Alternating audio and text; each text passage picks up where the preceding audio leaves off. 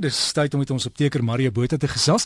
Onthou ons gaan nou gesels oor medikasie en goed soos dagga, maar jy moet asseblief met jou dokter gesels. Jou dokter ken jou, hy ken die kinders, ken die man, ken die vrou, ken almal en maak net seker as iets fout is dat jy by die dokter uitkom, maar jy kan ook vir jou apteker gaan vra vir hulp. En Mario, jy het gesê ons moet vandag gesels oor dagga. Ons weet nie eintlik baie vandag nie. Ons weet eintlik bitter min en dis eintlik gevaarlik dat ek hier sit want ek wil my nou self uitspreek oor dagga en ek weet eintlik glad nie iets oor dagga nie. So ek moes baie navorsing gaan doen oor om vandag iets te kan sê hieroor. Ek weet in Amerika en sekere state het hulle dagga 'n wettige ding gemaak. Ja, medical medical marijuana. En daar's klomp belasting wat inkom en hulle hulle kweek dit onder omstandighede. Ja.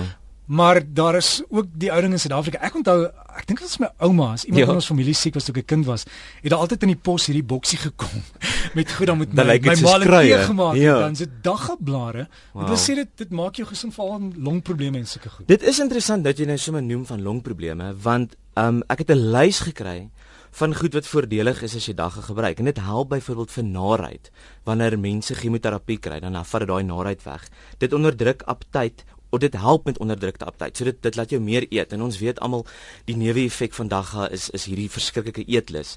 Dan help dit vir iets soos glaukoom. Hulle sê ook nou dit help vir iets soos sigaretrook om die skade wat sigaretrook te doen te herstel en om te keer. So ons daar's 'n lys. Dit help by epilepsie van kinders, by die verspreiding van kanker. Dit mag angs dalk verminder. Um dit help met die pyn van multiple sklerose. Dit verbeter spierspasmas. Dit help met gewigsverlies. Dit help met lupus en met Crohn se siekte. Dit bevorder kreatiwiteit um en dan beskerm dit die brein na beroerte. So die lys is legio en ek was verstom toe ek dit sien.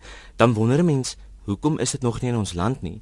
Maar die sleg is dink ek Derek en, en jy se saamstem dat ehm um, dagga is 'n dwelm ja. en dit maak 'n deur oop dink ek tot ander dinge en dit is die nadeel van so iets in ons land en ons moet altyd pas op wanneer dit op ons erf is of 'n kind dit gebruik dan kan hierdie ding 'n deur gee tot iets anders En ons moet pas op daarvoor want dit kan gebeur. Dit kan verseker gebeur. Ja, Mario, en ons praat hier van medisinale dagga. Dit beteken jy moet saam met jou dokter werk. Ja, Laat hy jou probleem diagnoseer en sê kom ons probeer die dagga, maar ek wil nie jy moet sommer gaan en hier op die hoek van die straat die tannie wat die piesangs koop vra, "Hey, het jy vir my 'n bietjie dagga?" Nee, ons moenie dit doen nie. Want ons wil iets kry wat in 'n gereguleerde plek gegroei was, dit gereguleer hoe dit geoes word, hoe dit verpak word, dan moet dalk stabiliteitstoetsing gedoen daarop word. Mens weet nie en ons weet ek is so oningelig hieroor, maar Of wat ek kan sê is, is as jy dit moet kry en jou dokter stel dit voor en as hy die nadele en die voordele teen mekaar opweeg en hy sê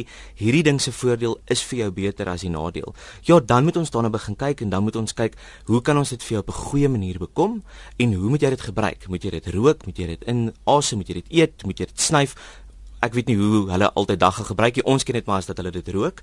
Maar ons moet besef dat dit 'n substansie is wat mag help maar dit ook 'n substansies wat ook neeweffekte mag hê en ook teenreaksies teen ander medisyne het. En, en mense reageer verskillend. Almal reageer verskillend. Dirk jy reageer verskillend op 'n disprin teenoor wat ek reageer daarop. So ons moet besef dat hierdie ding gaan jou dalk van jou kop af maak en dit maak my dalk so rustig soos nog iets en dit vat dalk my angs weg, maar dit versleg dalk iets in jou liggaam. So en omdat daar nie regtig genoeg navorsing dink ek gedoen word op so iets nie, is dit nodig om te besef dat hierdie is 'n vreemde substans en iets kan gebeur. So wees op die uitkyk. Want weet jy by die straat mense maak grappies, hulle sê don't drink and drive, smoke and fly. Seker ja, goed of ja, nee. of is dit dilazol, jy weet seker goed ja. en dis dis ernstige goed hierdie. Daar is mense wat dit misbruik en Absoluut. te veel gebruik. Absoluut. En is daar kanale wat 'n mens kan volg wanneer jy agterkom iemand misbruik die goed, hulle kry onwettige dagga. Dis soos enigiets anders as jy besef daar's 'n misbruik en ons sien dit in ons eie huise hoe mense verslaaf raak aan oor die toonbank, veral oor die toonbank pynstillers.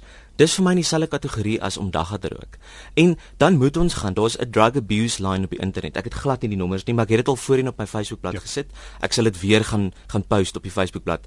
Maar dan moet ons besef, hierdie mens is verslaaf aan 'n substans. As ek verslaaf is aan suiker, dan eet ek elke aand 'n sjokolade en ek dink ek doen. Maar dit is ook 'n verslawing en dan moet mens hulp kry. Enige iets te veel en jy begin smag na 'n ding, dan besef ons hierdie mense is verslaaf. En dagga toon absoluut hierdie verslawingspatroon in ons brein. En dan weet ek nie of die voordele die nadele uitweeg nie. So dit is nogal belangrik as 'n persoon om of by jou dit moet gebruik, kyk dat hierdie persoon dit met um, regtig in in gereguleerde toestande en omstandighede gebruik en soos wat dit voorgeskryf is. Nie soos wat dit op straat voorgeskryf word nie, maar soos wat dit deur 'n mediese dokter voorgeskryf word. En Mario, as jy nou in die apteek werk en iemand kom met 'n voorskrif vir medisinale dagga. Ja. Hoe lyk dit? Is dit is dit pilletjies, is dit 'n boksie? Die, in Amerika verkoop hulle dit as 'n tablet of 'n kapsuul en as dit moet en as die dokter regtig voel dat dit moet ingevoer word, is daar 'n manier wat jy deur die medisynebeheerraad dit met 'n ons die Engels daarvan is 'n section 21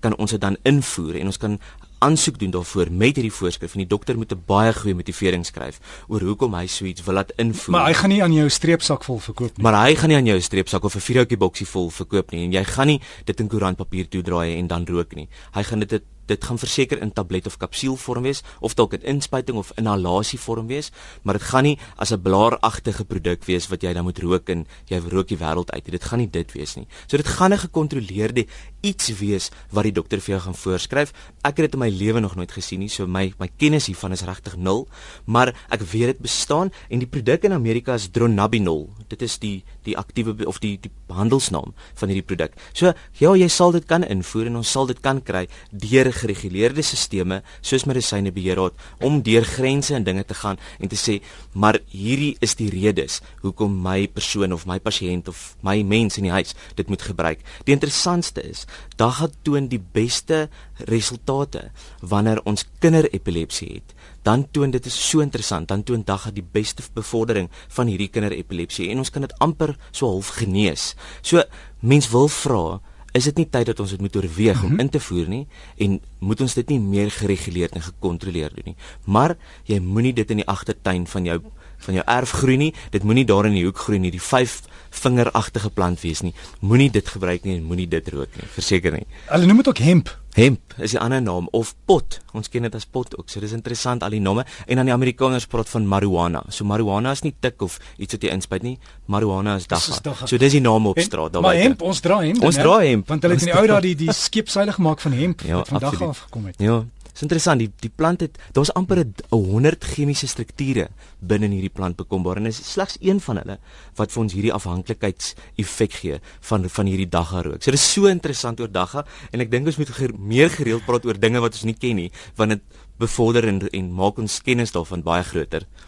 Maar as ons daar praat, beteken dit jy nee, moet dit doen. Nee, glad nie. En gaan sien iemand as jy weet iemand is verslaafd daaraan, gaan kry hulp vir daardie persoon, verseker. Mario sal inligting oor Dagga ja. uh, op sy Facebook sit en is Mario Botha apteker. Soek ja. net daai woorde Mario Botha apteker. Ek's 'n kalkop, jy kan my nie mis nie, so jy gaan dadelik weet dit is ek. En ehm um, as jy vir my e-pos wil stuur by mario.m.botha@gmail.com. So dis mario.m.botha by gmail.com. Alles van die beste Mario en lekker warm naweek vir jou. Vir jou ook.